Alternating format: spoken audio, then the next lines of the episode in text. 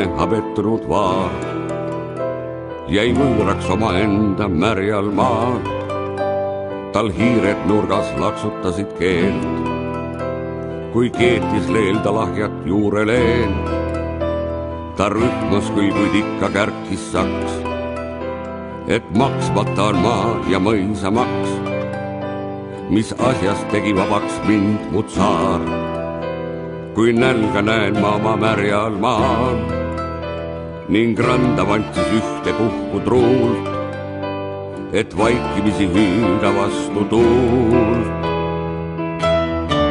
oh tule valge laev, mu raev on ropp ja vaevab vaen, on võõras minule see maa, miks minna siis ma siit ei saa, oh tule, tule valge laev, mu raev on ropp ja vaevab vaen, on võõras minule see maa, miks minna siis ma siit ei saa mind priiks tee valge laev siit kaasa viib. valge laev.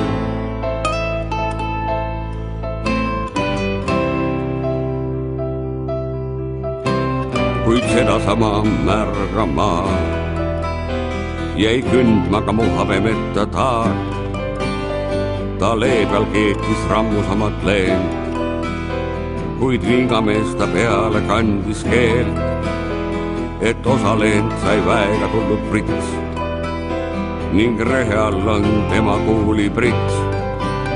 nii renutas ta aastaid saarel soos, kui lehmad enda lüpsta viis kolhoos, vaid siis, kui ennast pilve peitis kuu, ta salaja käis püüdmas tühja tuult oh tule, tule valge laev, mu raev on ropp ja vaevab vaen, on võõras minule see maa. miks ära siis ma siit ei saa, oh tule, tule valge laev, mu raev on ropp ja vaevab vaen, on võõras minule see maa. miks ära siis ma siit ei saa, mind priiks teeb valge laev, siit kaasa viib. valge laev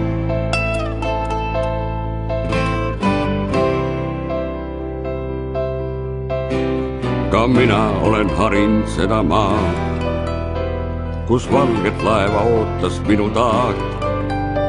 mu tagumikku näinud pole tool, sest ajast, kui sai lõpetatud kool, vaid siis käis jalga king ja pähe ka. kui talveks oli salve saadud saak, jah, vajadusel muutnud olen meelt et laual oleks muud kui kuivaid leent. ent ometi ma ulun nüüd kui hunt, sest võõra võla katteks läheb krunt oh tule valge laev, mu raev on ropp ja vaevab vaen, on võõras minule see maa. miks ära minna siit ei saa, oh tule, tule valge laev, mu raev on ropp ja vaevab vaen, on võõras minule see maa. miks ära minna siit ei saa, mind priiks tee valge laev siit kaasa viib tule, tule valge laev, mu raev on ropp ja vaevab vaen, on võõras minule see maa. miks ära minna siit ei saa, oh tule, tule valge laev, mu raev on ropp ja vaevab vaen, on võõras minule see maa. miks ära minna siit ei saa, mind priiks tee valge laev siit kaasa viib. valge laev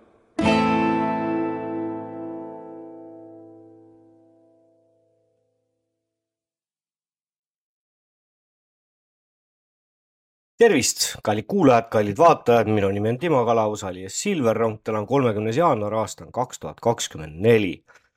alustame oma näljamängude kahekümne kaheksanda osaga. kõige esimese asjana tahan tänada kõiki neid kuulajaid, vaatajaid, jälgijaid, kes on, kes on otsustanud mind rahaliselt toetada. Teie toetus on minu jaoks oluline, tähtis, vajalik. et et edasi liikuda, nii nagu ma olen öelnud, tibusammul. ühte asja nüüd on viimastel päevadel mulle soovitatud ja eks ma olen ise ka selle peale mõelnud, et tuleb ikkagi tõsisemalt hakata tegelema selle Rambli back-up kanaliga. ehk siis mis mõttes back-up, et kui siin Youtube'is peaks juhtuma midagi kellegi kurja käe kaasabil, siis, siis oleks koht, kuhu, kuhu minna ja, ja, ja saaks, saaks oma saateid teha. et pean just silmas eriti seda nii-öelda sissehelistamise saadet Rahva hääl on Jumala hääl. no see teine saade, selle, selle kuulamised on ikkagi noh, on laes. et tagasiside on jätkuvalt positiivne mm midagi väga halba silma jäänud ei ole ja nagu ma olen korduvalt öelnud, õpin kuidagi noh, katsun, katsun jõuda oma arengus nii kaugele, et halvale absoluutselt ei reageeriks, eks ta raske ole. näed, kaks minutit rääkinud ja ei mäletagi, millega alustasin, aga ühesõnaga täna loen raamatut ette.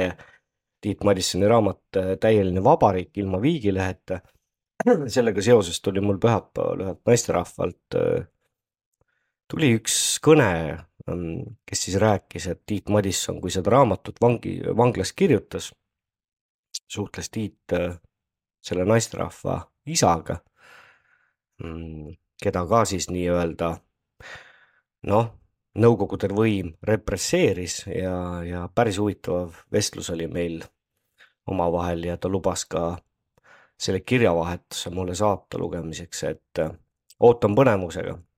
tervitan seda naisterahvast siit. Äh, enne kui raamatuni läheme, ma tooksin äh, paar huvitavat asja teieni. ei, ma ei hakka teile Delfit ette lugema. selle palati jätame seekord kõrvale. aga minuni on jõudnud üks, nagu ma aru saan, siis tegemist on Facebooki postitusega, kamraad edastas selle mulle. jätsin nime nimed siit meelega vahelt ära, kes on selle postituse autor. igaks juhuks, et äh, mine tea, äkki ei meeldi, aga teema on, teema on tähtis ja teema on oluline, ühesõnaga jah nii, sõber kirjutab, karm reaalsus mesinikele. ma suudaksin olla mesinik, kõik oskused olemas ja tegelikult mulle meeldiks, aga kui ma nüüd seda, aga kui nüüd seda lugeda, siis see on mõttetu tegevus, pigem hobi korras võib teha ja postitus ise, mis talle siis Facebookis silma hakkas, nagu ma aru saan, on tegemist kuskilt mesindusgrupist pärit postitusega. aasta halb uudis tuli ära juba jaanuaris. Eesti mee hulgihind kolm kakskümmend euri kilo, kontrollitud fakt. uudis ei olnud tegelikult uudis. seda, kuidas Ukraina mesi, millel tootmiseks ei rakendata euronõudeid, uputab Euroopa meeturgu kuulsin juba õppe- ja koolitusreisidel Poola, Tšehhi ja Slovakkia koostööpartnerite käest aastapäevad tagasi. viimati tulid ärevad sõnumid Läti koostööpartneritelt. sügisel oli neil hulgihind juba alla kahe euro. Ukraina on oma meetoodangut pärast Euroopa Liidu piirangute kaotamist toiduainetele tõstnud peaaegu neli korda. info on saadud Euroopa erinevatelt partneritelt hullemaks teeb olukorra veel majanduskriis, maksutõusud ja pöörased energiahinnad. oleme ausad, mesi on luksuskaup. Eesti mee senise eduloo taga on mesiniku otsene suhe kliendiga. seda on öelnud nii Konjunktuuriinstituut kui ka Statistikaamet. lugupeetud Eesti mesinikud, sellepärast ma selle kirja südamevaluga kirjutasin hoidke seda kliendi suhet otsetarbijaga, ärge uskuge hunte lambanahas, kes ütlevad, et vähendage tootmiskulusid tootmiskulusid on võimalik vähendada kas enda kasumi osa vähendamisega ehk tasuta töötamisega või mee kvaliteedi arvelt järeleandmiste tegemisega. see viimane aga lööb meid väga valusalt, sest Eesti mesi müüb just kvaliteedi tõttu. teine soovitus, toodame nii palju, kui me ise normaalse kasumimarginaaliga müüa suudame.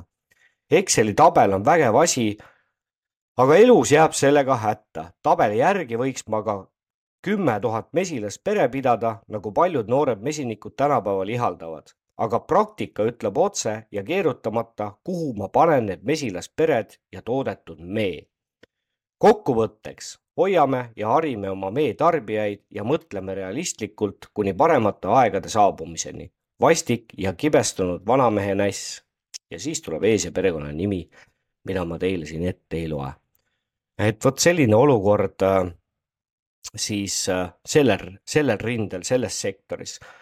täna suhtlesin ühe noh, ütleme siis nii, et äh, kamraadiga, kes äh, tegeleb metsaäris, on tegev ja, ja ütles ka, et täis hullumaja on ähm, kuu aega võib-olla heal juhul saab veel metsas trampida, siis tuleb see linnurahu aeg ja ütles, et kallis tehnika on otsust äh,, ostetud, aga ei taha kuidagimoodi see, see asi ära tasuda, et, et äh, seitse kuud, noh, minu jaoks tuli see ka üllatusena, et seitse kuud aastas saab, saab üldse siis äh, ettevõte metsas äh, oma asju ajada ja tööd teha. ja, ja, ja seesama mees rääkis ka, ta on Pärnu kandi mees, ütles, et oli käinud eile nii-öelda kohalikus ehituspoes, kus ta on harjunud käima ja ja uuris sealt ka, et kuida eluolu on, ütles, et äh, kõik Pärnu ehitusfirmad kiratsevad. et vot selline, selline on meil elu Eestis. aga see, kes ennast riigiks nimetab, temal tundub, et raha on ja, ja seda on kohe nii, et, et kohe igale poole tead loopida. siin vaatasin ka, juhtusin üks päev nägema see Tartu, mis asi see nüüd oli, see Euroopa kultuuripealinna avamine oli, et äh, ma lihtsalt selle tunni aja jooksul, mis see etendus või kuidas seda nimetada kestis, ma siis kaks korda ühele ja samale sõbrale palusin tal ka vaatama hakata, ta ütles, et ta ei suuda. palusin sellepärast, et võib-olla noh, et kak-, vana ütlemine, kaks pead on kaks pead, sest mina, Mats, sellest Euroopa kultuurist no ei saa aru, ei mõika.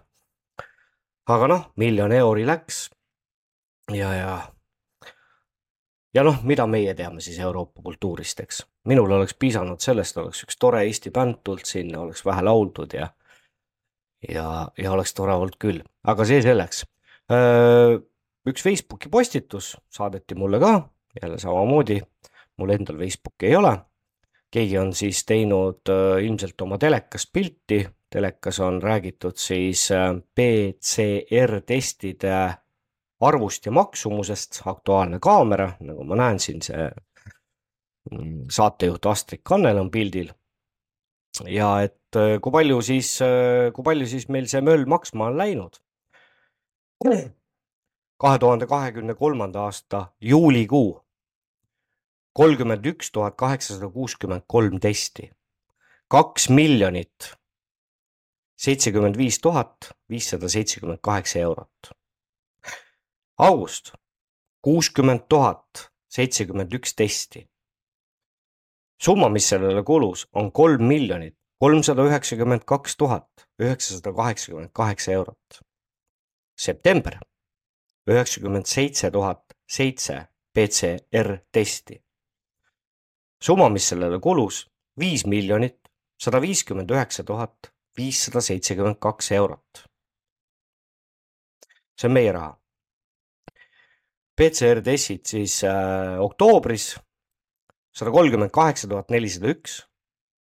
rahaline pool või rahaline kulu seitse miljonit kuuskümmend kolm tuhat viissada üheksa eurot.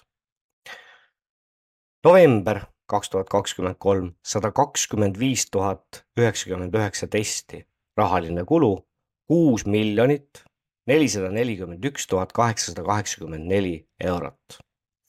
ja detsember kaks tuhat kakskümmend kolm, sada seitseteist, sada seitse tuhat kakssada kuus testi, viis miljonit kolmsada kuuskümmend üks tuhat kakssada kakskümmend üheksa eurot.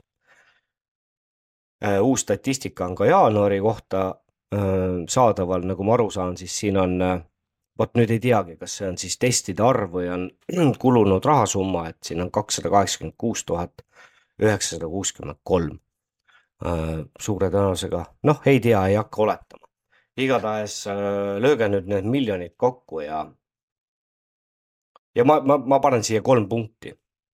et kamraad, kes selle mulle saatis, ütles, et ausõna, hakka või nutma. vot sellised, sellised olud on meil siin Eesti Vabariigis, et äh, ühtepidi ajab masenduse peale, aga noh, nagu ma olen öelnud, kõikumatu usk, vankumatu tahe et arendada, kindlustada riiki.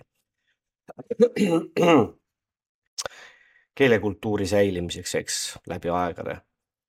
selle keelega on meil ka nii, nagu ta on, et Eesti Laul on inglise keeles ja, ja võidavad türklased.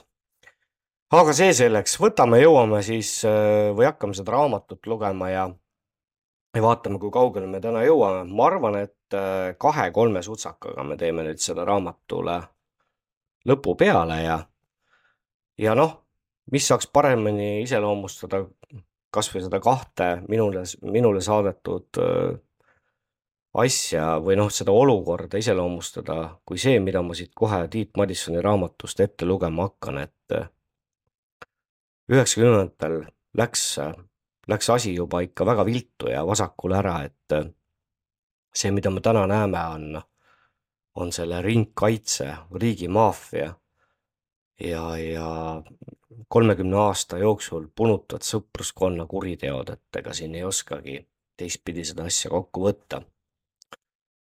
Nii, aga saate lõpus siis natukese ka saatest. Rahva hääl on Jumala hääl ja läheme raamatu juurde. nii, viimane kord jäime siis äh, pidama sellise peatüki juures nagu Mina olen seadus. kinnitame turvavööd, väikse lonksu. head jooki ja, ja läksime Eesti mitmed ajalehed tutvustavad interneti kaudu oma värske lehenumbri sisu vahetult enne ilmumist. Internetti jälgivad kodanikud võisid tutvuda ka Sõnumilehe kahekümne kaheksanda juuni tuhande üheksasaja üheksakümne seitsmenda aasta numbri sisuga.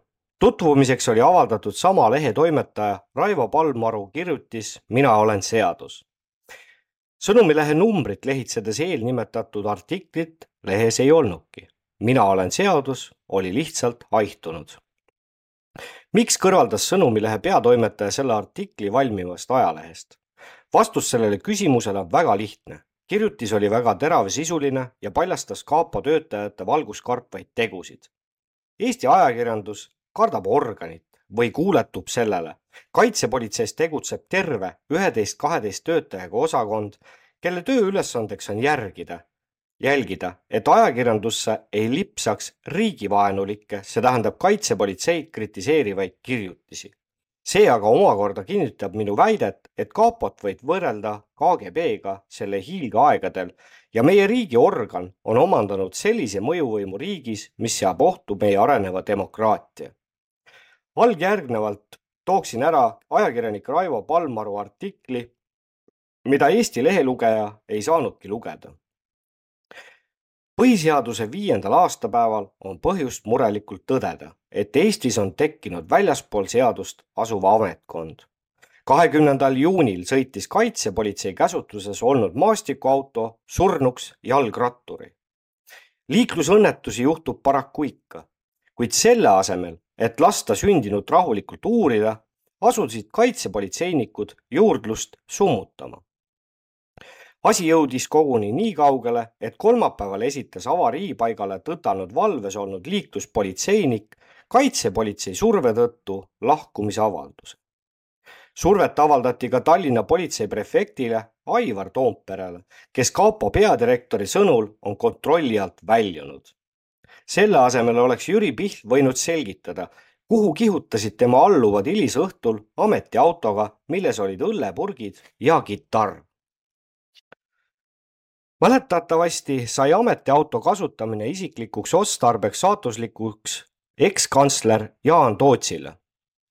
praegu ei ole teada isegi seda, kes Roman Reiveltile otsa sõitnud maasturit tegelikult juhtis. ametliku versiooni järgi oli roolis kapo vanem assistent Raino Aas, kes sündmuskohalt lahkus. kuid mõningatel andmetel oli maastikuauto Toyota RAV kapo komissari Tõnu Miilve käsutuses, kes ka sündmuskohal viibis. huvitaval kombel ei leidnud ekspert maasturi roolilt ja käigukangi nupult ühtegi sõrmejälge. kas see tähendab, et lisaks muul moel juurdluse takistamisele pühkisid sündmuspaigale saabunud kaitsepolitseinikud puhtaks ka rooli ja käigukangi nupu? Äh, nii nagu ma olen soovitanud, vanemad kuulajad juba teavad kõik need nimed, mis ma siit teile ette loen, visake Google'i otsingusse, uurige tausta, looge seoseid. vaadake, kus need mehed täna on, raamat on kirjutatud üheksakümne üheksandal aastal. muide, nähtavasti toimetati seesama Miilve mõni aeg tagasi Tartus ööklubist Atlantis kaklemise pärast politseisse, kus ta pärast kapo töötõendi ettenäitamist vabastati. kaitsepolitseinikel on auto juhtimisega varemgi probleeme olnud. Kaks ja pool aastat tagasi lõppes ühe salapolitseiniku lennukas sõit Tabasalu Kuusikus. aasta tagasi tegi teine avarii Tartus. mõlemast ei tehtud mingeid järeldusi. säärane pruuk näib olevat muutunud normiks. paar aastat tagasi laamendas üks salapolitseinik Rüütli baaris ja nõudis relvaga ähvardada šampust. seejärel läks ta Toompeale ja kõmmutas kuuli piirivalve staabiülema aknasse mees jäi karistuseta, sest ta olnud patoloogilises joobes. vajalikke järeldusi ei tehtud ka peksmisest klubis Hollywood, kus kaks alapolitseinikku terroriseerisid paari töötajaid. mina olen riik, kinnitas Louis neljateistkümnes tuhande kuuesaja kuuekümne viiendal aastal Prantsuse parlamendis. mina olen seadus, näib kaitsepolitsei kinnitavat meile praegu kaks aastat seisis kapos Avanteki asi, mis tänavu neljateistkümnendal juunil aegus. soikunud on Kalevi põlemise uurimine ja maha on vaikitud nii mõnigi korruptsioonijuhtum. Rambotsev kapo on oma ülesannete täitmisel üllatavalt saamatu.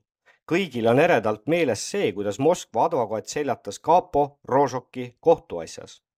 Tallinnas toime pandud arvukatest plahvatustest on seni lahendatud vaid kaks valeraha tegijate päevavalgele toomisega on sama lugu. hiljaaegu pääses taas vabadusse Lasnamäe uurimisbüroo uurija Kirillov, kelle kapo kui korruptandi reklaamikära saatel kinni võttis. möödunud suvel löödi lokku Kaasani grupeeringu teemal.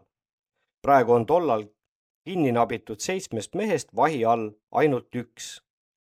teiste süüd ei suudetud tõestada Monika Mägi kohtuasja puhul oli piinlik jälgida, kuidas riiklik süüdistaja püüdis Riigikohtus kriminaalasja koguni ümber kvalifitseerida, sest kapos valminud süüdistus ei pidanud vett. Need seigad kinnitavad ammu tuntud tõsiasja, et salatalituse töös pole olulised mitte kiire sõit ja kõvad rusikad, vaid selge pea ja analüüsivõime eritalitused oma eriliste ülesannetega on ühtaegu vajalikud ja ohtlikud viimane eeldab tõhusat kontrolli kaitsepolitsei üle. seda enam, et erinevatelt paljude, erinevalt paljude riikide salatalitustest on kapole antud ka politsei funktsioonid. söandan väita, et kontroll kapo tegevuse üle tegelikult puudub. loodud on küll Riigikogu vastav komisjon, kuid selle volitused on piiratud ja seni ei ole see salatalituse eri- ja erandtoiminguid, telefonide pealtkuulamist kirjade avamist ja muud sellist, kuigi üksikasjalikult kontrollitud. mis puutub aga kuulsasse Siia komisjoni, siis loodi pärast üht kapoga seotud skandaali, siis selle aruanded ajavad kanadki naerma. kahelda võib ka praeguse siseministri suutlikkuses salapolitseid kontrollida, sest viimase käsutuses on valguskartvat materjali ministri äritegevuse kohta Pole siis ime, et selliselt väetatud pinnal on kaitsepolitsei muutunud riigiks riigis. tema võim suureneb pidevalt ja koos sellega ka karistamatuse tunne. mul siin ennem sellega seoses tuli meelde, et äh, see Sõnumilehe artikkel, mille siis Palmaru kirjutas, Mina olen seadus, et äh, issand kutsus selle ära, mul ei, kas see oli eile see uudis kuskil üleval, võib-olla Uutes uudistes või et äh, Jüri Lina andis siin ühe intervjuu, kas see ajakiri oli Kultuur ja elu ja üks inimene läks seda siis, ma ei tea, kas siis tanklast või poest ostma ja, ja, ja hinda peal ei olnud ja poemüüja käis seitse-kaheksa minutit oli tagaruumis tuli ja ütles, et see, see ajakiri on keelatud ja, ja me ei tohi seda müüa, aga üle tee poest oli siis selle saanud. kui keegi saatekuulaja teab, et millest Jüri Lina seal rääkis, siis äh, või kirjutas, et siis väikese sellise ülevaate võib-olla saab kommentaari siia ka teistele panda, et päris huvitav oleks, oleks teada. nii, järgmine peatükk, kaitsepolitsei nadi kompetentsus. paljud mäletavad hästi okupatsiooniaegset tavaajakirjanduses. miilitsat peksti ja kritiseeriti. KGB oli seevastu lausa kompetentsuse ja patriotismi kehastus keda keegi ei julgenud kritiseerida. Ega sellist kriitikat poleks peale Samistati kuskil avaldatudki. peaaegu sama tava nähtub ka täies, täielises vabariigis. politseid kritiseeritakse, tavaliselt ka õigustatult kuid kaitsepolitsei möödapanekute kohta julgevad kirjutada vaid kõige mehisemad ajakirjanikud ja kodanikud. organi pika käe ees ollakse hirmul. kusjuures jälle näed, ühe vahemärkuse teen, et tol ajal ei olnud meil ju veel mingist, ma ei tea, kas Facebook oli või ei olnud, aga need andmed, mis on äh, igasugustel luureteenistustel täna avaliku elu tegelaste ja vestluste ja oi oh my joo. see seletab nii mõndagi tegelikult, miks siin riigis on need asjad nii nagu on ja miks käitutakse nii nagu käitutakse. võtke kasvõi see, et äh, Jüri Ratas võttis kätte, hakkas isamaalaseks. noh, mis mul ikka, äh, demokraatia ja, ja inimõigused, et äh, jõudu talle muidugi on kaitsepolitseil nagu igal tõsiseltvõetaval institutsioonil omad propageerijad, kes salapolitseid mõnikord lausa ülivõrretes kiita ei häbene. on üldtuntud tõsiasi, et KGB-l oli ajakirjanduses laiali, laialdane agentuur. Ajakirjanikud võivad olla head nuhid, neil on lai suhtlemisring, nad pääsevad huvipakkuvatele inimestele paremini ligi.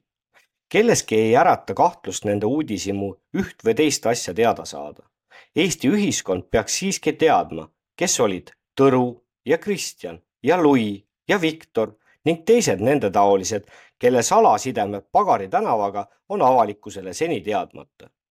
Olen kuulnud, nagu oleks kapo võtnud lihtsalt üle need ajakirjanikud, kes omal ajal töötasid KGB-le, värvanud nad ümber ja pannud enesekasuks tööle. selline lähenemisviis on KGB agentidele väga mugav sest sellega seosus, seoses muutub ka nende varasem tegevus Eesti riigi saladuseks, kirjutas Vilja Laanaru oma Valguses ja varjus tuhat üheksasada üheksakümmend viis. raske on Laanarule vastu vaielda. Selle, seda raamatut ma olen soovitanud teil osta, ma ei ole ise veel jõudnud, et kurat, seda oleks ka päris huvitav lugeda Need kodanikud, kes on Eesti salapolitsei tegemisi aastate vältel kas või ajakirjanduse vahendusel jälginud, on märganud, et organ tegutseb tihtipeale väga diletantlikult ja hoolimatult. kapo rohkearvulistest jänni jäämistest tuleb juttu järgnevalt. Eesti kaitsepolitsei ebakompetentse käitumise paljastas libaluuraja Ville Sonni juhtum oktoobris tuhat üheksasada üheksakümmend kaheksa. endine KGB agent Gustav sattus Kaapo huviorbiiti alles tuhande üheksasaja üheksakümne kaheksandal aastal, kuigi Sonni enesepaljastus ilmus ajakirjanduses juba üheksakümne teisel aastal. Kaapo tahtis Ville Sonnilt saada informatsiooni Eesti KGB-s töötanud Viktor Kozlovi kohta, kes praegu töötab FSB Pihkva valitsuse osakonna ülema asetäitjana. Viktor Kozlovi teenistuskäik on fikseeritud raamatus Vastasseis mais tuhat üheksasada üheksakümmend kaheksa otsis kapo Tartu osakonna assistent Marko Reinhardt üles endise KGB agendi Sonni. ta teadis mind, ta seadis mind probleemi ette, et mina pean talle kinkima, hankima Pihkvast Viktor Kozlovi kohta informatsiooni, meenutas Venemaalt tagasi saabunud Sonn. Postimees, kakskümmend üheksa oktoober tuhat üheksasada üheksakümmend kaheksa Eesti organ lootis ilmselt Kozlovi ära kasutada informatsiooni saamiseks oma endiste agentide kohta. ei antud endale aru, et suurte kogemustega vastuluuraja ületab oma professionaalsusega ilmselt terve kapo ajupotentsia-, ajupotentsiaali ja oleks võinud eestlased lihtsalt üle mängida. Ville Sonn on Postimehele jutustanud, et alguses ei tahtnud ta hakata Kozlovi kohta infot tooma Reichart oli siiski tungiv, avaldas survet ja šantaseeris, aga töö juures võib teil ebameeldivusi tulla. Elva on väike linn, siin tööd saada ei ole kerge. Kapot huvitas, millisel aadressil Kozlov Pihkas elab, mis on kodune te, kodune telefon, mis on kabinetitelefon, mis on auaste, pereliikmete eluolu ja nii edasi. iseloomustas Gustav kapo KGB-tlikku tööstiili Ville Sonn jutustas, et muretsenud kapole polkovnik Kozlovi telefoninumbrid ja aadressi ning edastas ta andmed perekonna kohta. raha kapo ei maksnud ega allkirja koostöö kohta ei võtnud. See ei olnud mingi spionaaž, lihtsalt öeldi, et mine ja vaata, kas saad midagi teada, selgitas Sonn, Sonn kapolt saadud ülesannet. nagu oleks sõbra saatnud turule kartuli hinda uurima kapo alahindas venelaste ajupotentsiaalsi, ajupotentsiaali ja sealse vastuluure võimalusi. Ville Sonni sõitu Pihkvasse kasutati FSB poolt ära Eesti vastases propagandas. kaitsepolitsei ülesannet täitev Sonn peeti Pihkvas Vene vastuluure poolt kinni ja talle esitati ultimaatum. kas esineb TV-saates kui Eesti spioon või läheb spiooni süü-, spionaažisüüdistusele aastateks vanglasse Pihkva FSB majas tehti filmivõtted ja need edastati kahekümne kolmandal oktoobril Venemaa NTV ja RTV telejaamade kaudu. Kaitsepolitsei ebakompetentsus ja passiivsus propagandarünnaku tõrjumisel andis venelastele kõik trumbid kätte. kapo leppis sellega, et Venemaa vastuluure eksponeeris Ville Sonni kui kaitsejõudude luureosakonna spiooni ning ei soovinud Sonniga isegi kohtuda et endale mitte varju heita. ebakõlad Eesti erinevate julgeolekustruktuuride vahel võimaldasid Vene vastuluurel taguda spioonitrummi ja Venemaa elanikud jäid seda uskuma.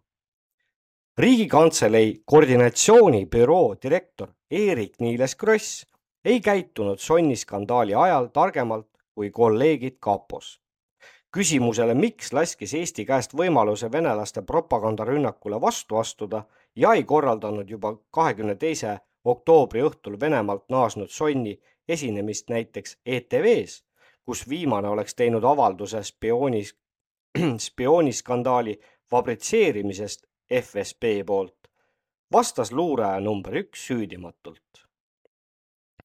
erinevalt mõnest muust riigist ei korralda Eesti riik esinemisi ETV-s või muudes meediakanalites propagandarünnakute vastu astumiseks. Sonil on vaba voli ETV-s esineda, muidugi juhul, kui ETV selleks eetriaja leiab. Samuti võib ta esitada Välisministeeriumisse kaebuse tema kohtlemise suhtes Venemaal. Postimees, kahekümne üheksas oktoober tuhat üheksasada üheksakümmend kaheksa. kümnendal veebruaril tuhat üheksasada üheksakümmend viis avaldas Eesti Ekspress mõtlemapaneva loo Kaitsepolitsei mõnitas kaheteistaastast tüdrukut. Kirjutisest oli lugeda, et kolmekümne esimesel jaanuaril viisid kaks kaitsepolitsei töötajat kaasa üksi kodus viibinud tütarlapse.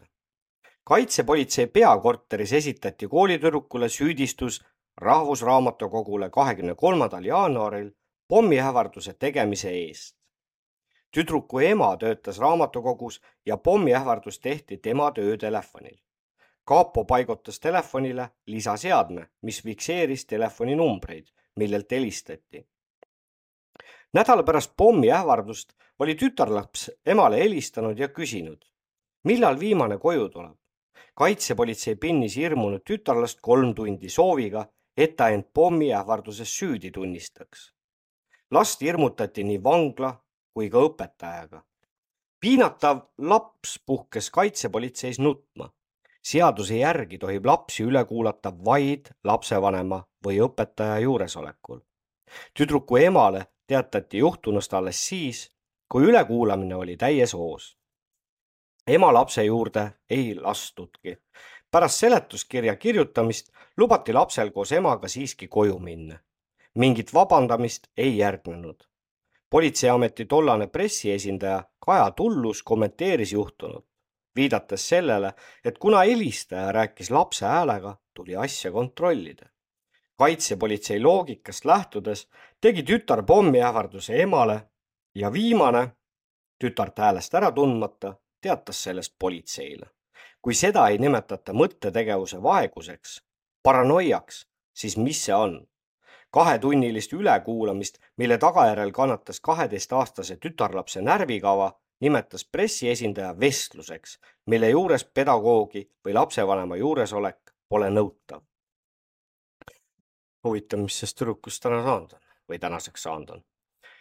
kuueteistkümnenda augusti tuhande üheksasaja üheksakümne kuuenda aasta Eesti Ekspressi numbris on trükivalgust näinud lugu Liinibussis käed raudu, kus tiriti üldsuse ette järjekordne kaitsepolitsei vägivallaakt. Tallinna liinibussis pandi kahel Viljandist pärit noormehel, kes töötasid pealinnas, käed sõna lausumata raudu. käimas oli järjekordne kapo operatsioon salaviina kaupmeeste tabamiseks. noored mehed töötasid Järvevana tee äärses Tallinna veepuhastusjaamas ja olid teel töölt oma ööbimiskohta. salaviina vedajad olid kaitsepolitsei eest jooksu saanud ja kahte noort ehitustöölist peeti põgenenud viinavedajaiks mind paneb imestama, et keegi pole detailselt kontrollinud, mida noormehed sel õhtul täpselt tegid. ühtegi meie firma töötajat pole küsitletud, kommenteeris kapolaste nadivõitu tegutsemist Viljandi meeste tööandjafirma esindaja.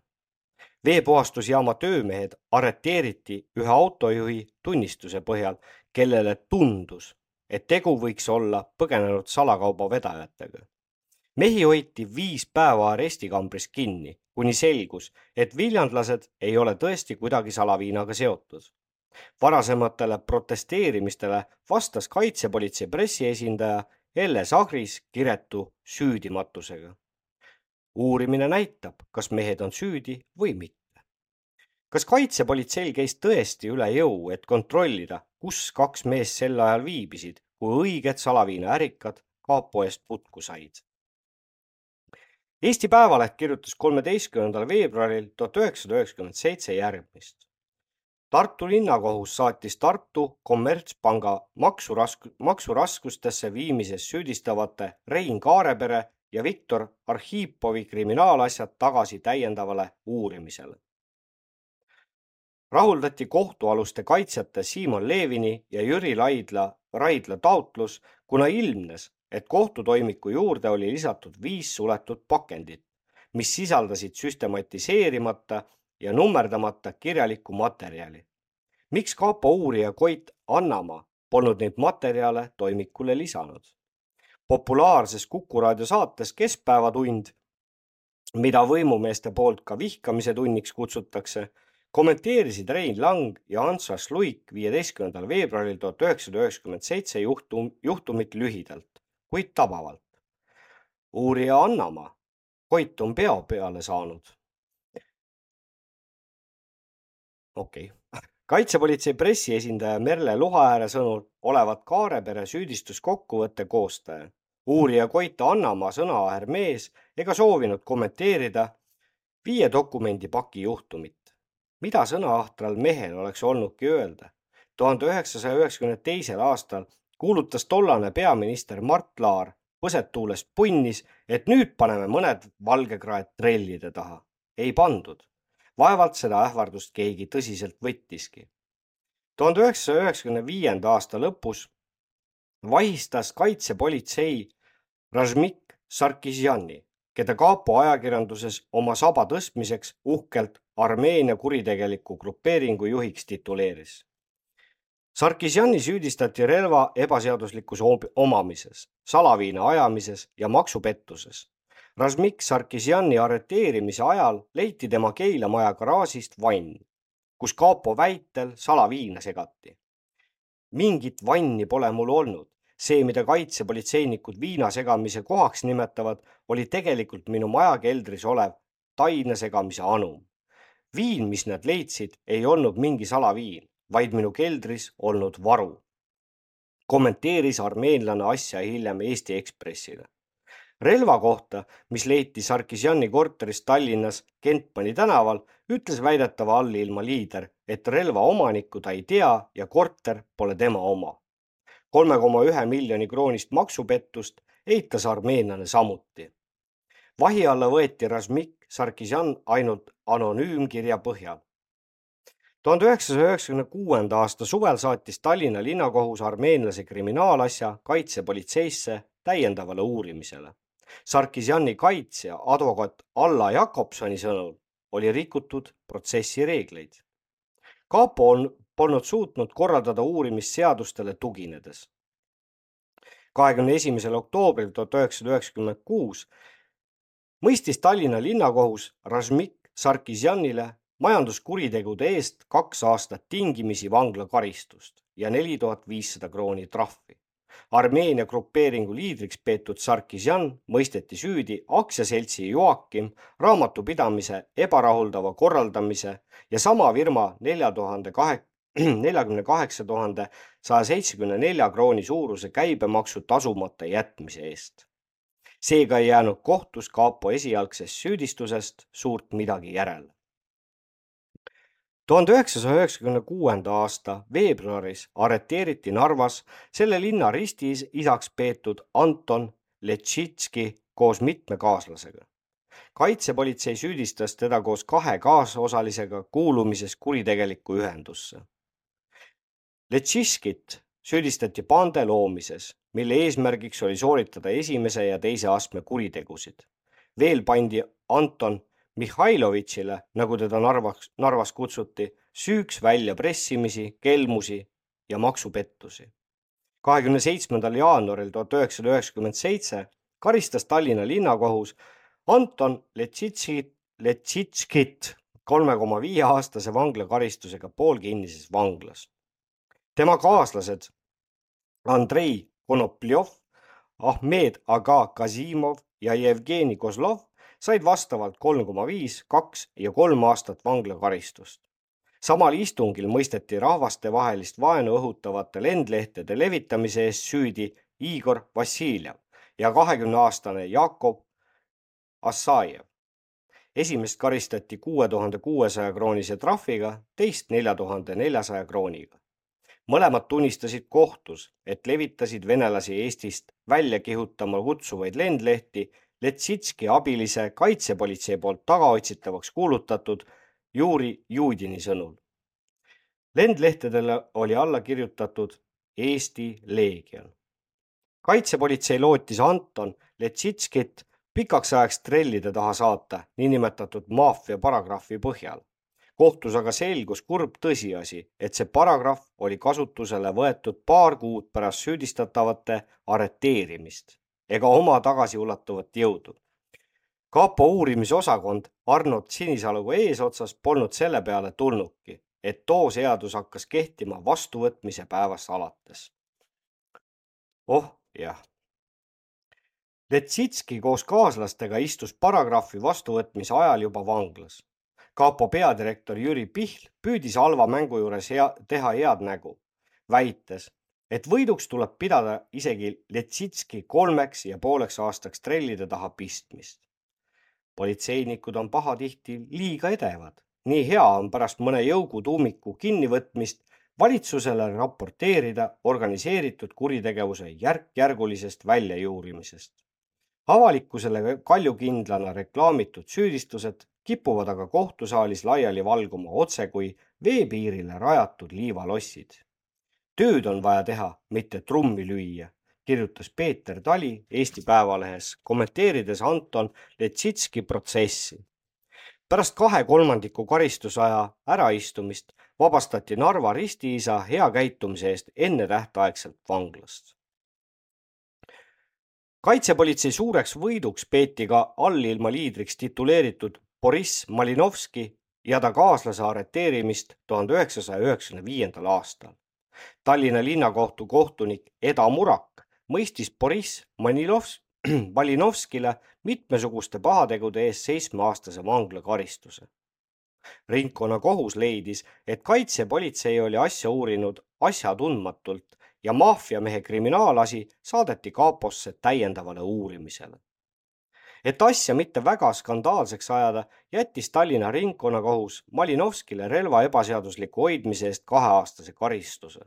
Malinovski on ammu vabaduses ja annab meeleldi intervjuusid ajakirjandusele. küllap pole lehelugejaile enam uudis, et suure meediakäraga alanud arreteerimislaine, kus hõisatakse, et on tabatud Kaasani ja Tšetšeenia või Krasnodari maf-, mafioosode tuumik, sumbub hiljem kohtusaali vaikusesse põhjus on lihtne. pealiskaudne uurimine ja nõrk süüdistus, mille tagajärjel väljapressimisparagrahv tihtipeale tuulde lendab. rääkimata süüdistustest, kus tegemist olevat suisa organiseeritud pandekuritööga.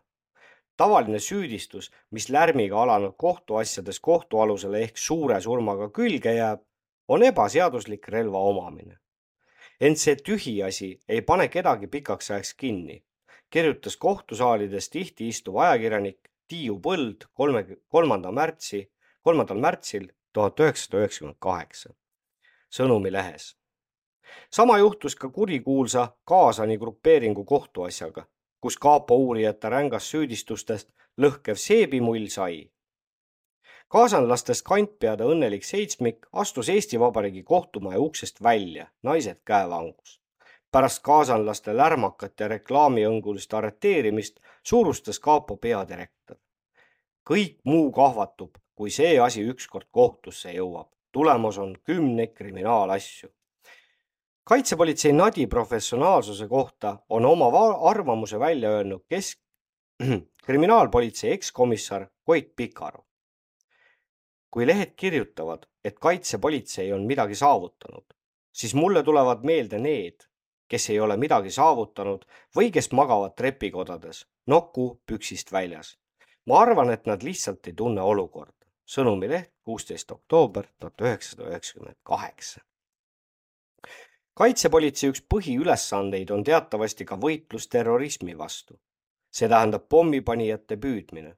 tuhande üheksasaja üheksakümne viienda aasta Narva Eesti Gümnaasiumi pommiplahvatuses oli mitu kahtlusalust. Seoses selle intsidendiga levitas kapo Pärnus ja Ida-Virumaal kuulujutte, nagu oleks Narva plahvatuse organiseerinud Eesti rahvuslased Eesti Rahvuslaste Keskliidust. Eesti Rahvuslaste Keskliit olevat tahtnud rahvussuhete pingestumist Ida-Virumaal, et seejärel kuulutatakse selles regioonis välja erakorraline olukord. varsti pärast kuulujutu liikvele laskmist selgus, miks seda tehti. Õige pea otsis minuga kontakti kaitsepolitsei Pärnu osakonna direktor Rein Kuusk. kaitsepolitseinik viis jutu Narva eestlaste koolis aset leidnud plahvatusele ja püüdis uurida, ega rahvuslased juhtumisi sellest intsidendist midagi ei tea kuna, kuna Eesti Rahvuslaste Keskliidul olevat Virumaal oma mehi. kui meie suudaksime leida tõelised pommipanijad, siis langeks kahtlus Eesti Rahvuslaste Keskliidu pealt ära. Loomulikult liikus Ida-Virumaal plahvatuse kohta igasuguseid versioone, kuid Eesti Rahvuslaste Keskliit ei pidanud end mingiks uurimisorganiks kui väga tahetakse süüdlast leida, siis tihti ka leitakse, kuna Eesti politsei kaitsepolitsei töötajate professionaalne tase jätab soovida, rakendatakse nüüdsel ajal erilisi ülekuulamismeetmeid. keegi Aleksander Eemer, kes oli Pärnu arestimajast jooksu saanud, olevat ajalehtedele saatnud avaliku kirja, mida ükski leht ei avaldanud. selles kirjeldas Erner, kuidas kaitsepolitsei uurijad püüdsid mitmesuguste keelatud võtetega sundida teda ülestunnistustele seoses Narva gümnaasiumis toimunud pommiplahvatustega alla kirjutada. Emeri enda väitel olevat ta sel päeval viibinud Tallinnas. Pärnu arestimaja ongi see paik, kus kaitsepolitsei oma uurimisaluseid tihtipeale eeluurimise ajal hoiab, püüdes erinevate meetoditega uuritavaid ülestunnistustele sundida. Pärnus on viibinud kapo uurimisalused Boriss Malinovski ja Anton Letšitski. Patarei vanglas kuulsin mõlemalt värvikaid lugusid Pärnu arestimajas rakendatavaist mõjutusvahendeist. muidugi ei saa niinimetatud individuaalsete mõjutusvahendite kasutamises salapolitseid võrrelda kriminaalpolitsei struktuuridega. meie organil on veel piisavalt arenguruumi. ei ole kuulnud, et kaitsepolitseis oleks veel kedagi elektriga piinatud. käeraudadega küttesüsteemi torude külge aheldamist ja samaaegset peksmist on rakendatud küll Patarei vanglas jutustas sellest nii mõnigi kaitsepolitsei uurimisalune.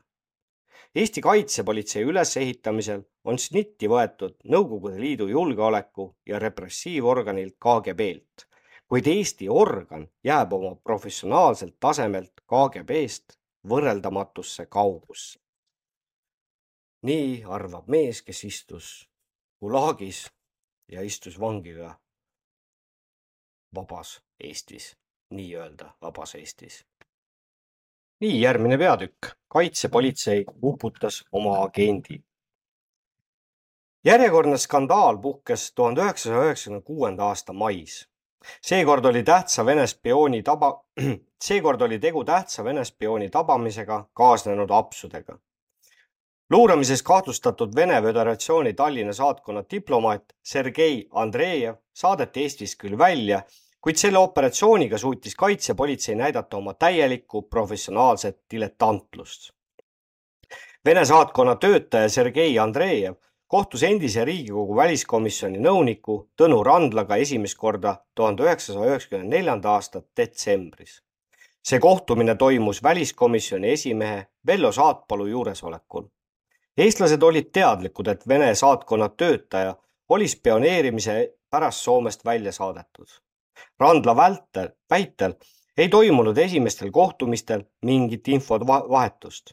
info, mida Randla Andreejevile edastas, koosnes ametlikult ilmunud publikatsioonidest ega kujutanud endast mitte mingisugust riigisaladust. kõigist kontaktidest olid teadlikud parlamendi väliskomisjoni liikmed ja selle hilisem esimees Eino Tamm. sain Andreejevilt palju vastu ja kõik need materjalid läksid väliskomisjoni, selgitas Tõnu Randla hiljem Eesti Päevalehele tuhande üheksasaja üheksakümne kuuenda aasta jaanuaris pakkus Vene diplomaat Randlale konfidentsiaalsete luureandmete eest tasuks tuhat USA dollarit. teatasin asjast kohe kapole ja sellest ajast olid kõik meie kohtumised nendega kooskõlastatud, on jutustanud Randla. Andreejeviga kavandatud operatsioon oli edaspidi kapoga täielikult kooskõlastatud ja kõik Randla poolt Vene luurajale üle antud dokumendid olid kaitsepolitsei oli kaitsepolitsei heaks kiitnud. omal initsiatiivil venelasega Randla mingit koostööd ei teinud. jaanuaris oli Riigikogu nõunik salapolitseiga kokkuleppele jõudnud, et kohtub Andreejeviga saamaks teada, mille vastu venelane konkreetselt huvi tunneb. kõik need operatsioonid korraldati kaitsepolitsei juhtimisel ja range kontrolli all. Tõnu Randla ei käinud ühe, ühelgi kohtumisel omapäi ilma kapo teadmata. Eesti Päevaleht, kümnes mai tuhat üheksasada üheksakümmend kuus. kohtumisel venelasega kasutas väliskomisjoni nõunik organist saadud diktofoni. kõik seitse-kaheksa kohtumist oli kaitsepolitsei videolindile jäädvustatud. iga kohtumise kohta koostas Tõnu Randla üksikasjalise ettekande. Eesti ametniku sõnul ei olnud Andreev temalt saanud üht ühtki dokumenti, mis kujutaks endast mingit riigisaladust või ohustaks Eesti riiki. koos salapolitsei ametnikega valmistati Vene diplomaati ette selleks, et eestlasest riigiametnik on valmis edastama ka väga konfidentsiaalset infot. mingit palka kaitsepolitsei randlale ei maksnud. kinni maksti vaid lõuna ja õhtusöögid ning nõunik venelasele teenistusülesannet täites mida nõunik venelasele teenistusülesannet täites välja tegi. pärast operatsiooni lõppu, kui kaitsepolitsei oli omandanud vajalikud kompromiteerivad materjalid Vene diplomaadi paljastamiseks, premeeriti Tõnu Randlat viie tuhande krooniga. kogu operatsiooni, kogu operatsiooni kureeris kaitsepolitsei peadirektori asetäitja Mati Eerik, kel hiljem oli probleeme purjuspäi onareerimise või urineerimisega ühe Kopli viinaputka juures. ma loen selle koha veel uuesti ette, et meelde jääks.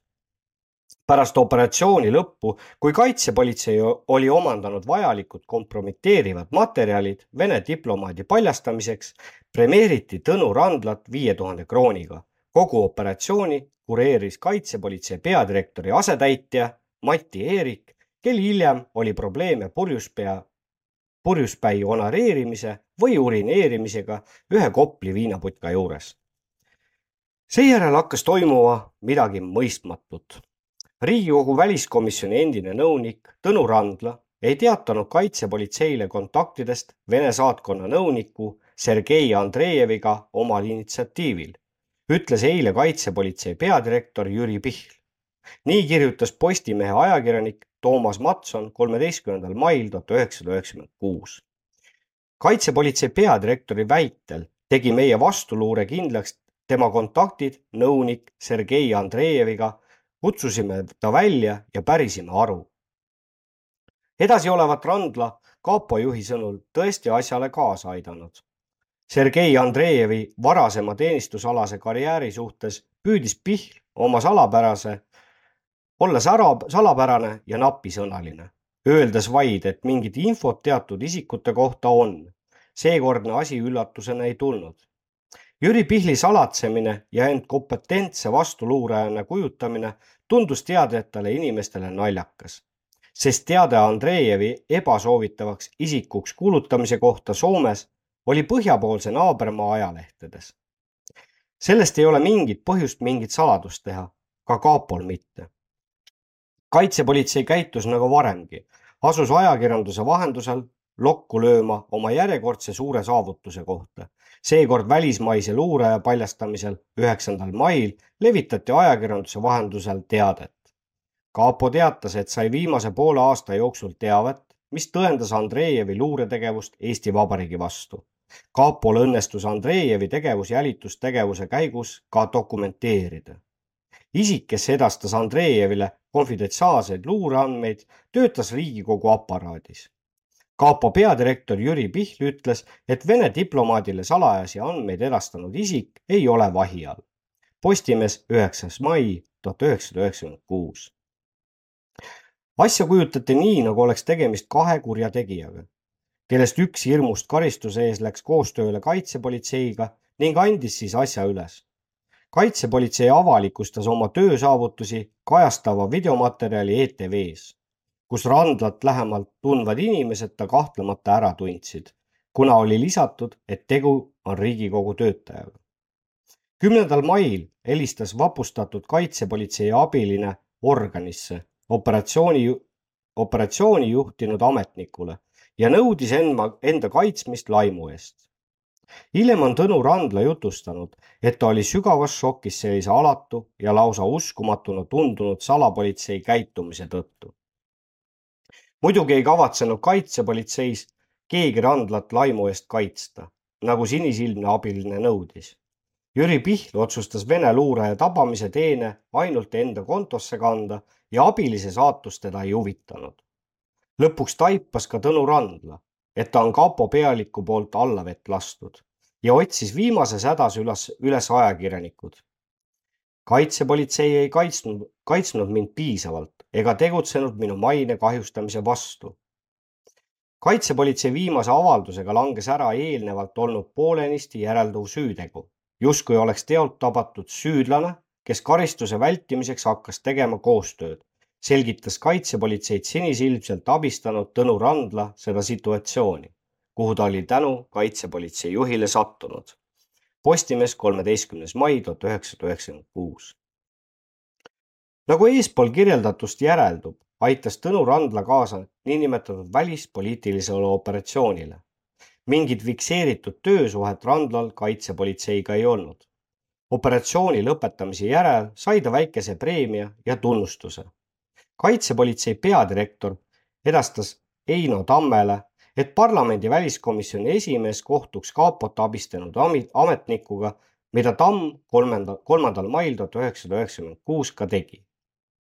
väliskomisjoni tegelane edastas Randlale kaitsepolitsei tunnustuse tehtud töö eest toonases jutus polnud poole sõnagagi juttu mingist süü ülestunnistamisest või teolt tabamisest, millest nädal hiljem kirjutasid ajalehed kapo andmeile tuginedes. pärast õnnestunud operatsiooni oleks Eesti riik, kapo, pidanud Tõnu Randlale ja ta perele leidma turvalise elukoha, sest venelasest spiooni väljasaatmisega seati ta elu ning tervis otsesesse ohtu. midagi sellist, mis võiks tunnistada, et kaitsepolitsei toimis, nagu on kombeks tsiviliseeritud riikides professionaalselt tegutsevatel salateenistustel, ei tehtud. vastupidi, teda laimati ajakirjanduses ja kaitsepolitseid idealistlikel kaalutlustel abistanud kodaniku elu seati otsesesse ohtu.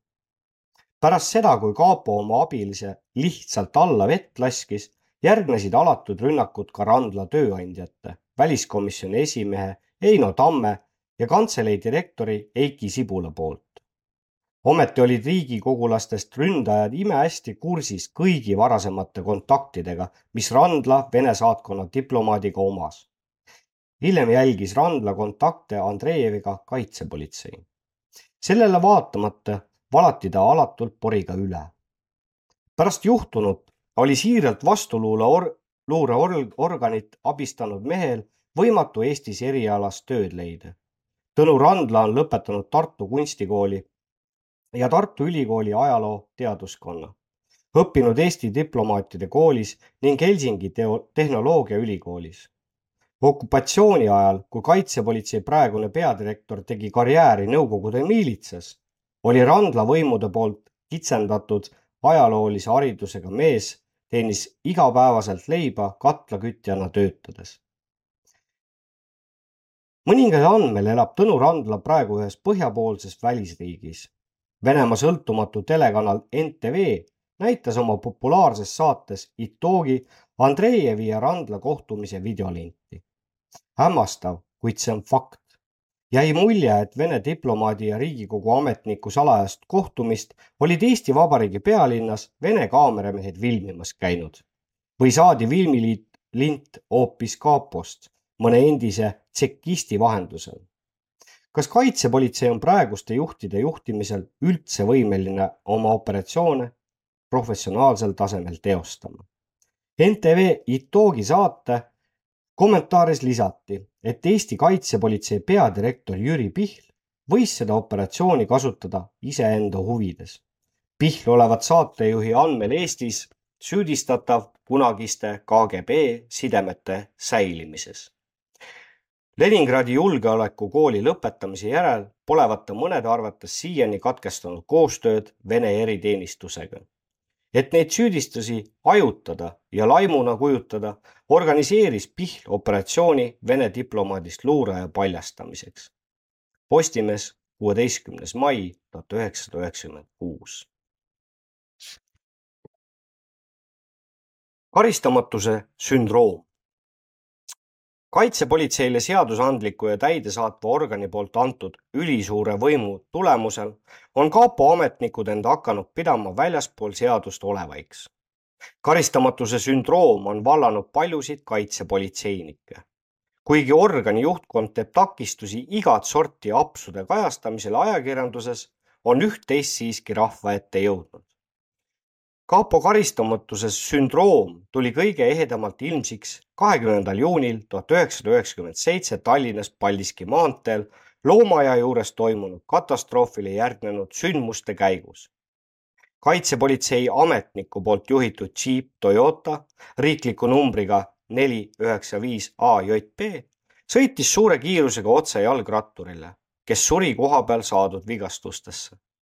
maasturit juhtinud kapo ametnik põgenes sündmuskohalt, jättes maha surnukeha ja kapo masina. uste avamisel lõi politseinikule näkku alkoholilõhn. auto põrandal vedeles tühja õllepurke. džiibi tagaistmel vedeles kitarr, juhi kõrval istmel ees aga politsei vilkur. kirjutas kahekümne kuuendal juunil tuhat üheksasada üheksakümmend seitse Sõnumileht. kohapeal mõõdetud pidurdusjälje pikkuseks oli viiskümmend kolm koma neli meetrit seega võib rahvusvaheliselt aktsepteeritud mõõtmise põhjal väita, et kapo auto kiirus oli minimaalselt sada viis kilomeetrit tunnis. samal õhtul pidasid kaitsepolitseinikud Väänas jaanipidu, kus viibis ka jalgratturi surnuks sõitnud kapo töötaja. otsustades maasturist leitud õllepurkide järgi, jätkus jaanipidu veel sõidu ajalgi. traagilisele õnnetusele oli ka kaks tunnistajat. üks neist oli bussijuht, kes otsasõitu tahavaatepeeglist, peeglist nägi teine vastassuunas sõitnud autojuht. mõlemad nägid maasturist metsa jooksnud lonkavat meest. kaitsepolitsei pressiesindaja sõnul olevat metsa jooksnud hoopis juhi rase abikaasa, kes õuduspilti nähes paanikasse sattus ja metsa pages. mees püüdis naist umbes kella kuueni hommikul, kuus tundi lähedal metsas rahustada, siis toimetas ta abikaasa sugulaste juurde ning helistas kaitsepolitsei korrapidajale, kinnitas Jüri Pihl, Eesti Ekspress kakskümmend seitse juuni tuhat üheksasada üheksakümmend seitse. mõlemad tunnistajad kinnitasid, et nad ei näinud mingit naist, see oli Pihli väljamõeldis. varsti pärast õnnetust olid kohal ka erariides kaitsepolitsei töötajad, kes viie kuue masinal, viiel-kuuel masinal olid kohale sõitnud ja asusid eesotsas oma Tallinna osakonna komissari Miiliga sündmuskohal olevaid liikluspolitseinikke segama. Pääna õppebaasis toimunud kapolaste jaanitulelt tuli ühe, poolteist tundi hiljem kohale ka peadirektor Jüri Pihl, kelle kõnnak olnud kohalolijate jutul ebakindel. Pihl olevat suhelnud üksnes oma alluvatega ega läinud oma hõbehalli Audi juurest kaugemale isegi sündmuskohale mitte. Jüri Pihl väitis BNS-i kaudu Eesti üldsusele, et nende töötaja verest, kellele järgmisel päeval ekspertiisi tehti, ei leitud lubamatut kogust alkoholi. liikluspolitseist kinnitati ajakirjanikele, et mingit ekspertiisi ei tehtud, kuna kapo töötaja sellest keeldus. selle asemel, et püüda objektiivselt tuvastada oma töötaja süü suurust, asus karistamatuses kindel olev kapo peadirektor ründama Tallinna politseiprefekti Aivar Toomperet. see ei suutvat kontrollida oma alluvaid, mistõttu peab kaaluma prefekt Toompere sobivust oma ametikohale. Tallinna politsei pressiesindaja Küllike Rooveli pidi kahekümne viiendal juunil tuhat üheksasada üheksakümmend seitse kirjutama seletuskirja nii oma käitumise kohta sündmuskohal kui ka avarii kohal tehtud fotode ajakirjandusse sattumise kohta avariile järgnenud päeval helistas uurijale keegi tundmatu, kes tuvastas end kapo töötajana, tutvustas end kapo töötajana ja soovitas politseinikul selle avariiga mitte tegeleda. jutu sees viitas ähvardaja, et Tallinna politseijuhtide positsioon on ebakindel, mistõttu juurdlejal ei olevat kaitset loota. kolmapäeval siseministeeriumis toimunud nõupidamisel väitis kapo peadirektor Jüri Pihl kõrgendatud toonil, et Tallinna politsei juhtkond on väljunud kontrolli alt. sõnumileht kakskümmend kuus juuli tuhat üheksasada üheksakümmend seitse. minister Robert Lepikson järgis kaitsepolitsei juhi nõuannet ja vabastas Pihlile vastumeelse Tallinna prefekti ametist, määrates asemele kapo pealiku vana sõbra Helmut Paabo. no see mees on mitu korda meil siit raamatust läbi käinud, võtke kätte, guugeldage, uurige selle mehe kohta erru lastud Tallinna politseijuht Aivar Toompere on Paldiski maanteel toimunud katastroofi valgustanud järgmiselt. pärast õnnetust maastikuautoga Pihl lausa ähvardas mind ega lubanud anda pressile mingisugust informatsiooni. ega ma andnudki, piisas sellest, et julgesin Pihlile oma loomust näidata. enne õnnetust ei olnud eks sise, eks-siseminister Lepiksonil minu töö kohta pretensioone seda võib kinnitada ka toonane politseiameti peadirektor Ain Seppik. varsti pärast õnnetust vabastati mind prefekti kohalt. Kuller, kaheksas juuni tuhat üheksasada üheksakümmend kaheksa. Neid ja mitmed muud faktid kinnitavad, et Eestis on tekkinud väljaspool seadust asuvad ametkonnad ja isikud, kes oma seisundit kuritarvitades püüavad seaduse rikkumisi varjata. Nende surve all tunnevad end ebakindlalt nii juurdlejad kui ka ajakirjanikud säärane pruuk on muutunud õiguskorrale ohtlikuks. huvitav, kas tänaseks on midagi muutunud? demokraatia ju. kaitsepolitsei ja selle peadirektori tegevusel reede õhtuse avari varjamises on kriminaalkoodeksi paragrahvis sada kuuskümmend üks kirjeldatud kuriteo tunnused, ametiseisundi kuritarvitamine. see eeldab, et süüdlased võetakse kriminaalvastutusele, avaldas oma arvamust Eesti üks julgemaid ajakirjanikke Raivo Palmaru kapo võimukas peadirektor tõmbus veidi tagasi, nähes, et ühiskondlik arvamus on pöördumas tema vastu. seda aga mitte kauaks. kaheksandal oktoobril tuhat üheksasada üheksakümmend seitse toimus Tallinnas Kadaka teel intsident kaitsepolitsei kahekümne nelja aastase ametniku Toomas Sõgeliga, kes purjupurjus olekus avas keset sõiduteed ametirelvast tule teda korrale kutsuva inimese pihta kapo assistent tulistas kuus lasku kodaniku jalge ette, purustas kaubabussi aknad ja tahavaatepeegli. politseipatrull tabas istuli maganud salapolitseiniku lähedal asuvas bussipeatuses, kolme padruniga laetud relv vedelemas tema jalge ees maas. haiglas tuvastati sõgelil veres kahe koma seitsmekümne nelja promilli alkoholijoove Tallinna linnakohus arvestas otsuse tegemisel kapos purjutajale antud positiivset iseloomustust ja karistas Linnatänaval paugutanud organi endist töötajat aastase vanglakaristusega tingimisi. järjekordne intsident meie organi ametimehega ei lasknud end kaua oodata. kuueteistkümnendal jaanuaril tuhat üheksasada üheksakümmend kaheksa kirjutas nädalaleht Eesti Ekspress. Möödunud nädala laupäeva hommikul kell kuus kakskümmend üheksa teatati Tallinna politsei korrapidamisteenistusele, et Loitsu tänav viis maja trepikoja, trepikojas magab mees. rahulikke majaelanikke häiris fakt, et mehe kõrval lebas maas püstol tema uriinist märgade pükste lahtisest lukust paistis välja suguelund. Lasnamäe politseipatrull tegi kindlaks, et täiskustud pükstega liputajaks osutus kaitsepolitsei assistent Kaljo Juurik. mõni aeg hiljem selgus, et trepikojas tuidunud kaitsepolitseinikul oli õigus töötada riiklikult salajaseks tunnistatud dokumentidega kapo pressiesindaja kinnitas infoagentuurile BNS, et ametkondlik juurdlus ei tuvastanud oma töötaja purjuspäi magamist Lasnamäel ühe maja trepikojas. kaitsepolitseiniku asus kaitsma Jüri Pihli jõupingutuste abil Tallinna politseiprefektiks saanud Helmut Paabo. kapo pressiteate kohaselt kontrollis assistent Kaljo Juurik kümnendal jaanuaril tuhat üheksasada üheksakümmend kaheksa varahommikul oma algatusel infot, mille ta oli eelmisel päeval saanud. kahjuks tegutses ta sealjuures äärmiselt ebaprofessionaalselt ning jäi lihtsalt trepikotta magama, teatas kaitsepolitsei pressiesindaja üldsusele.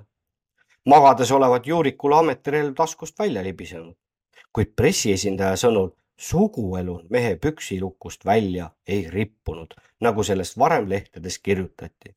Eesti Päevaleht, kahekümne teine jaanuar tuhat üheksasada üheksakümmend kaheksa ebaprofessionaalselt tegutsenud kaitsepolitseinikku karistati noomitusega ja talt võeti juhtkonna poolt ära teenistusrelva kandmise õigus. võib ju Eesti riiklust ka ilma relvata kaitsta.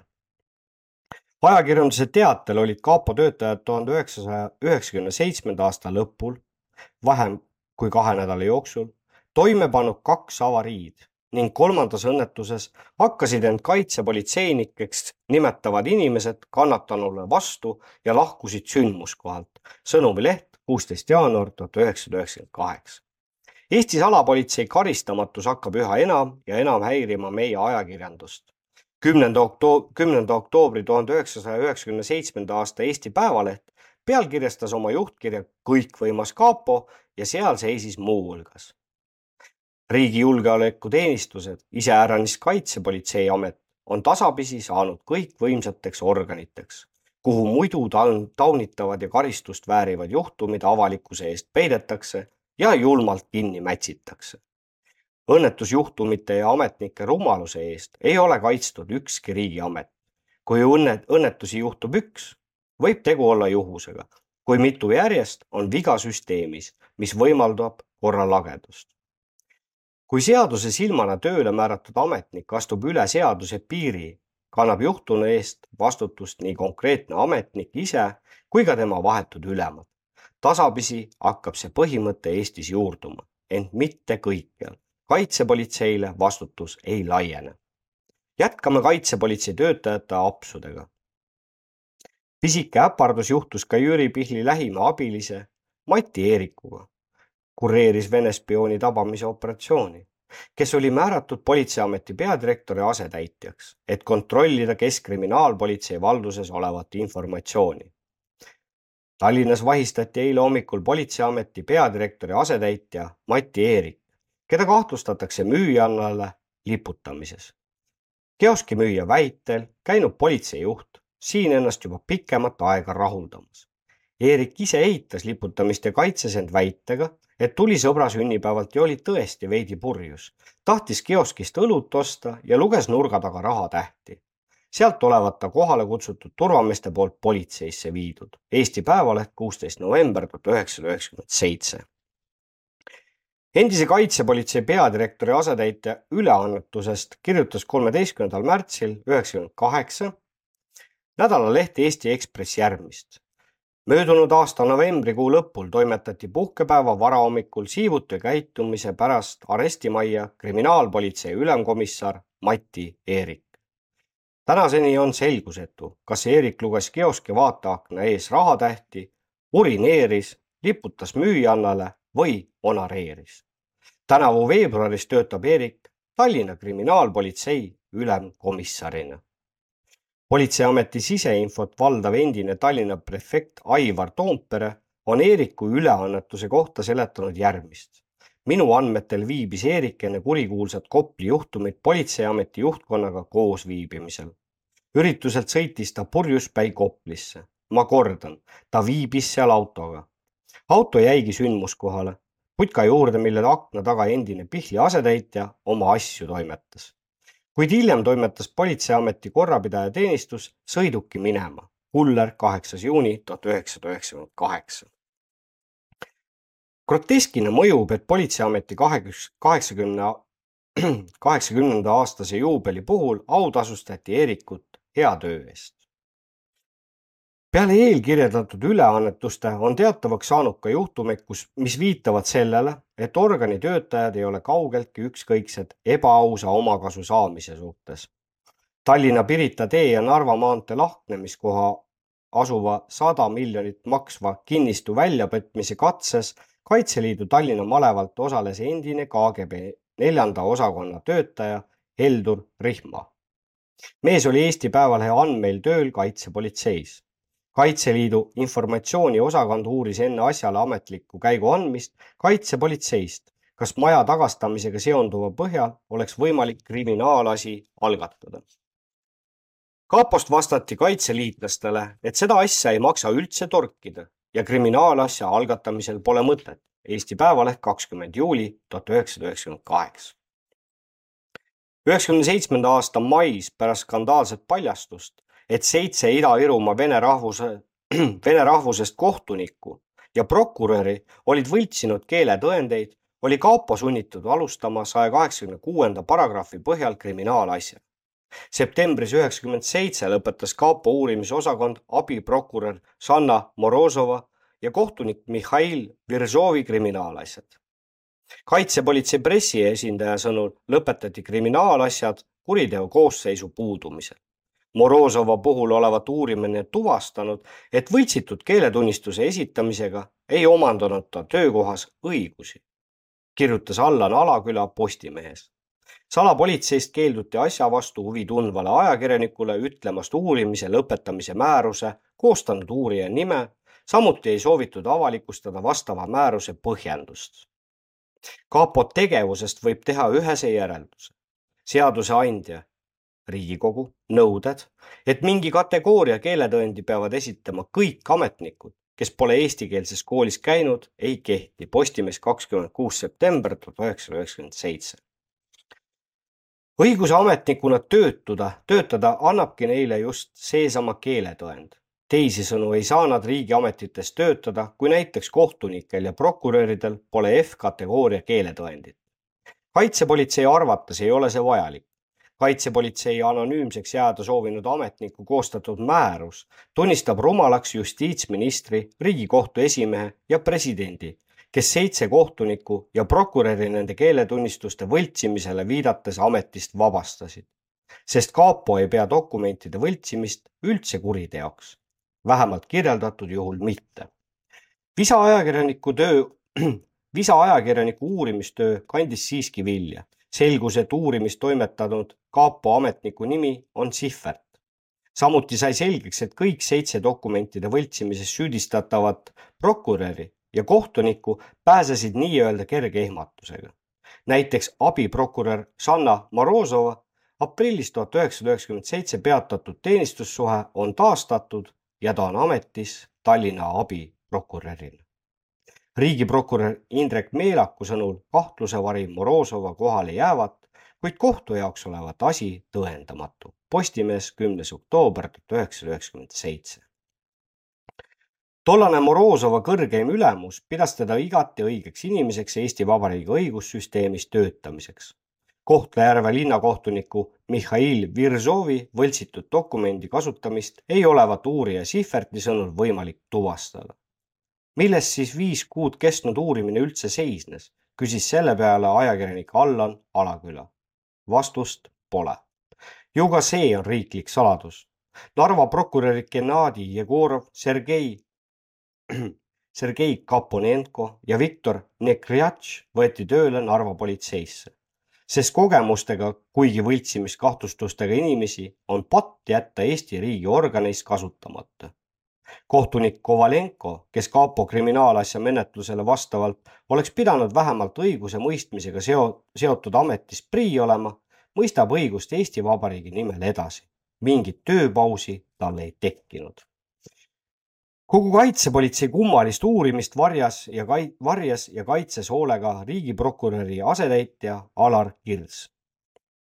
Ta küsis ajakirjanikelt kirjalikku taotlust Viržovi ja Morozova kriminaalasja lõpetamise määruse avaldamiseks. kaitsepolitsei uurija ja pressiesindaja senine jutt kuriteo koosseisu puudumisest, kuna kahtlustatavad ei omandanud võltsingute kasutamisega ametiala, ametialaseid õigusi ei kannata seega mingit kriitikat, konstateeris Allan Alaküla mürgiselt kümnendal oktoobril tuhat üheksasada üheksakümmend seitse ajalehes Postimees. Keeleamet on seisukohal, et võltsitud keeletõendi kasutamisega omandasid ametiisikud mitmeid õigusi, näiteks õiguse kohtuniku ja prokurörina töötada võltsimisega vahele jäänud kohtunike ja prokuröride kriminaalasju kinni mätsides võimaldab kaitsepolitsei end kergelt kahtlustada erapoolikkuse uurimises, millega kaudselt heidetakse varju kogu õigussüsteemile, kirjutas Postimees kahekümne kuuendal septembril tuhat üheksasada üheksakümmend seitse. Tuhande üheksasaja üheksakümne kuuenda aasta detsembris jäi kriminaalpolitseinikele nelja tuhande kroonise altkäemaksu katuseraha väljapressimisel vahel, vahele kaitsepolitsei noorem assistent Konstantin Rõvkin. vahele jäänud kaitsepolitseinik vabastati töölt. mõned Tallinna kriminaalpolitseinikud olid hämmingus, et kapo ei algatanud kriminaalasja oma endise töötaja vastu juba detsembris, vaid piirdus tema töölt vabastamisega omal soovil. sõnumileht kakskümmend seitse veebruar tuhat üheksasada üheksakümmend seitse kapo juht Jüri Pihl laskis ajakirjanduses lendu jutu reetmisest, nagu oleks Rõvkin pakkunud salaviinaga tegelevatele mehe, tegeval, tegelevale mehele müüa kapo jälitusteavet.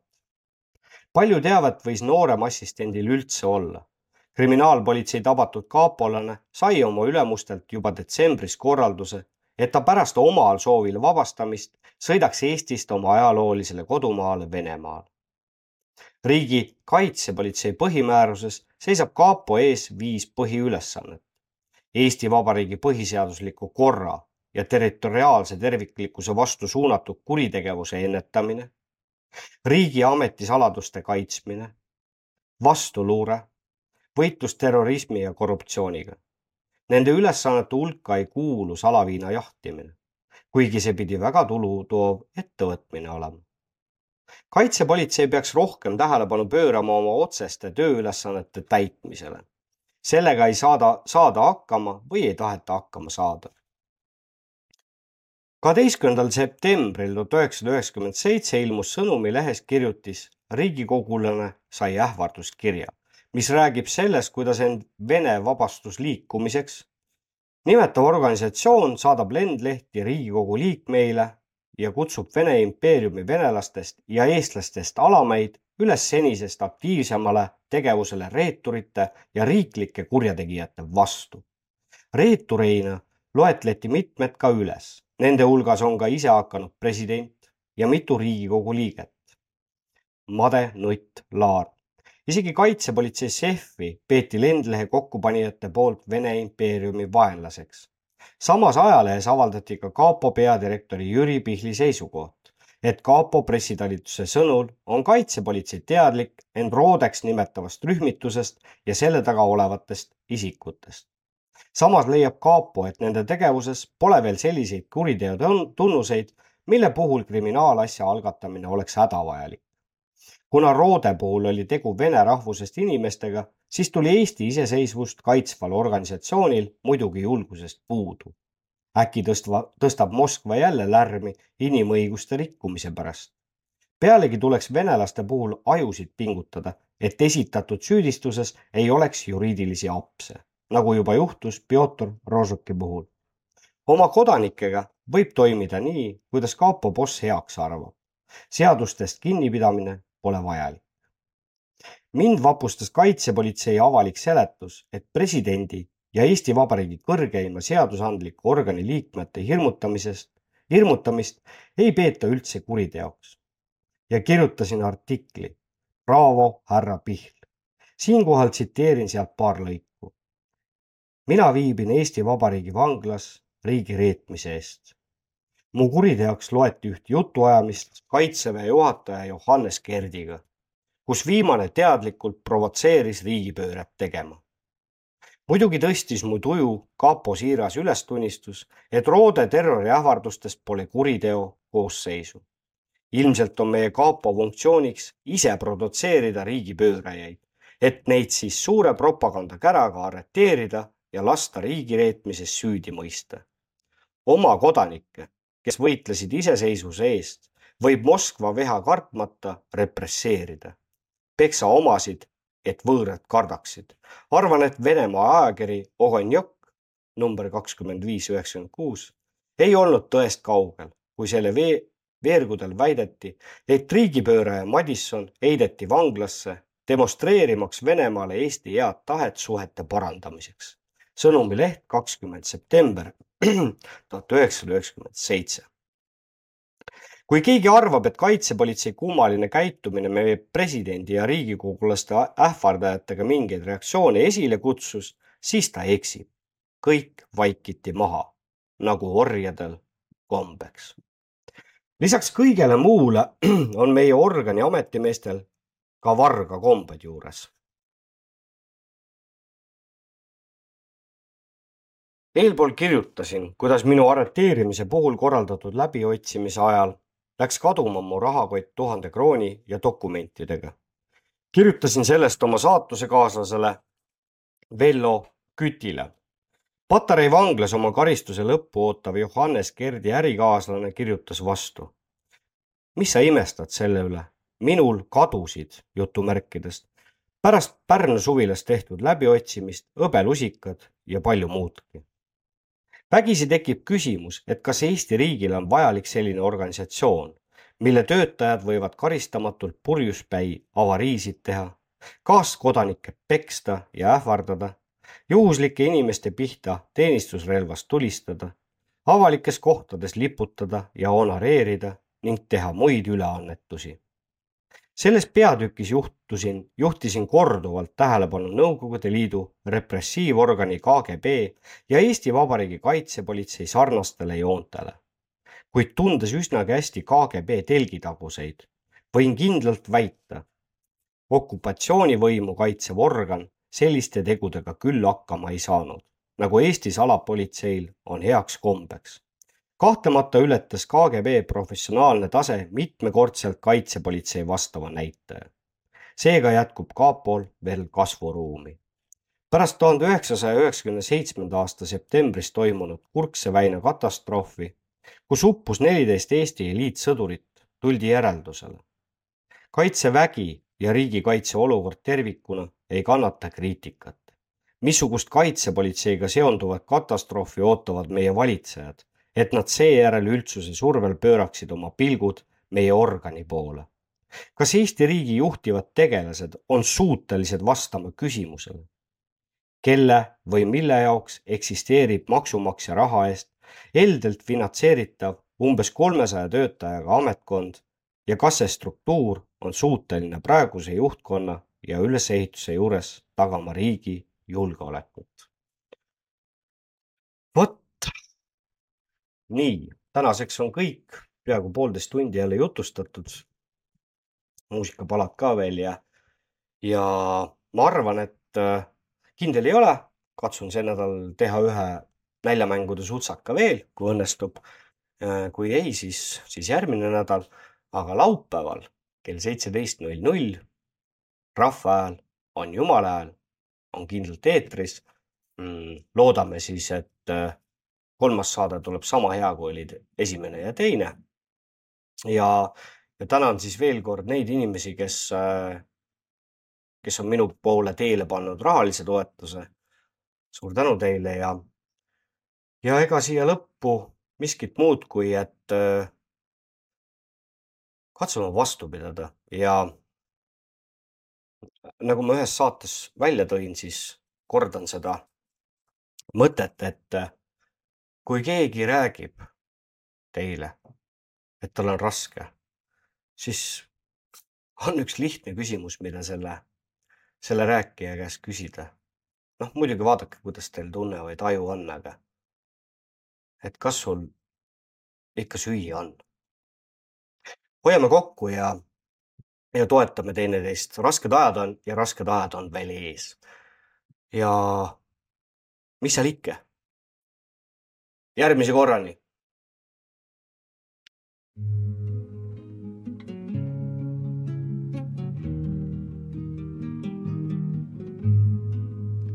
ära nuta ammu enne sinu sündi on su eest kõik nutud nutet maimukene naera veel sa naerda võid veel sa õndsalt uinud väeti, veel ei rõhu sinu meeli maised mured ja sa unes viibid kaugel kaunil maal.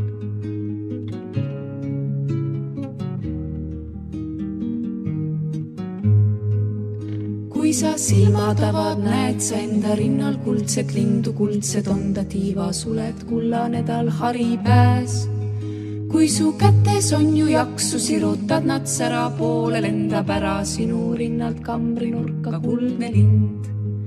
kui su jalgades on jaksu ja sa astud sära poole, lendab ära kambrinurgast metsa äärde kuldne lind.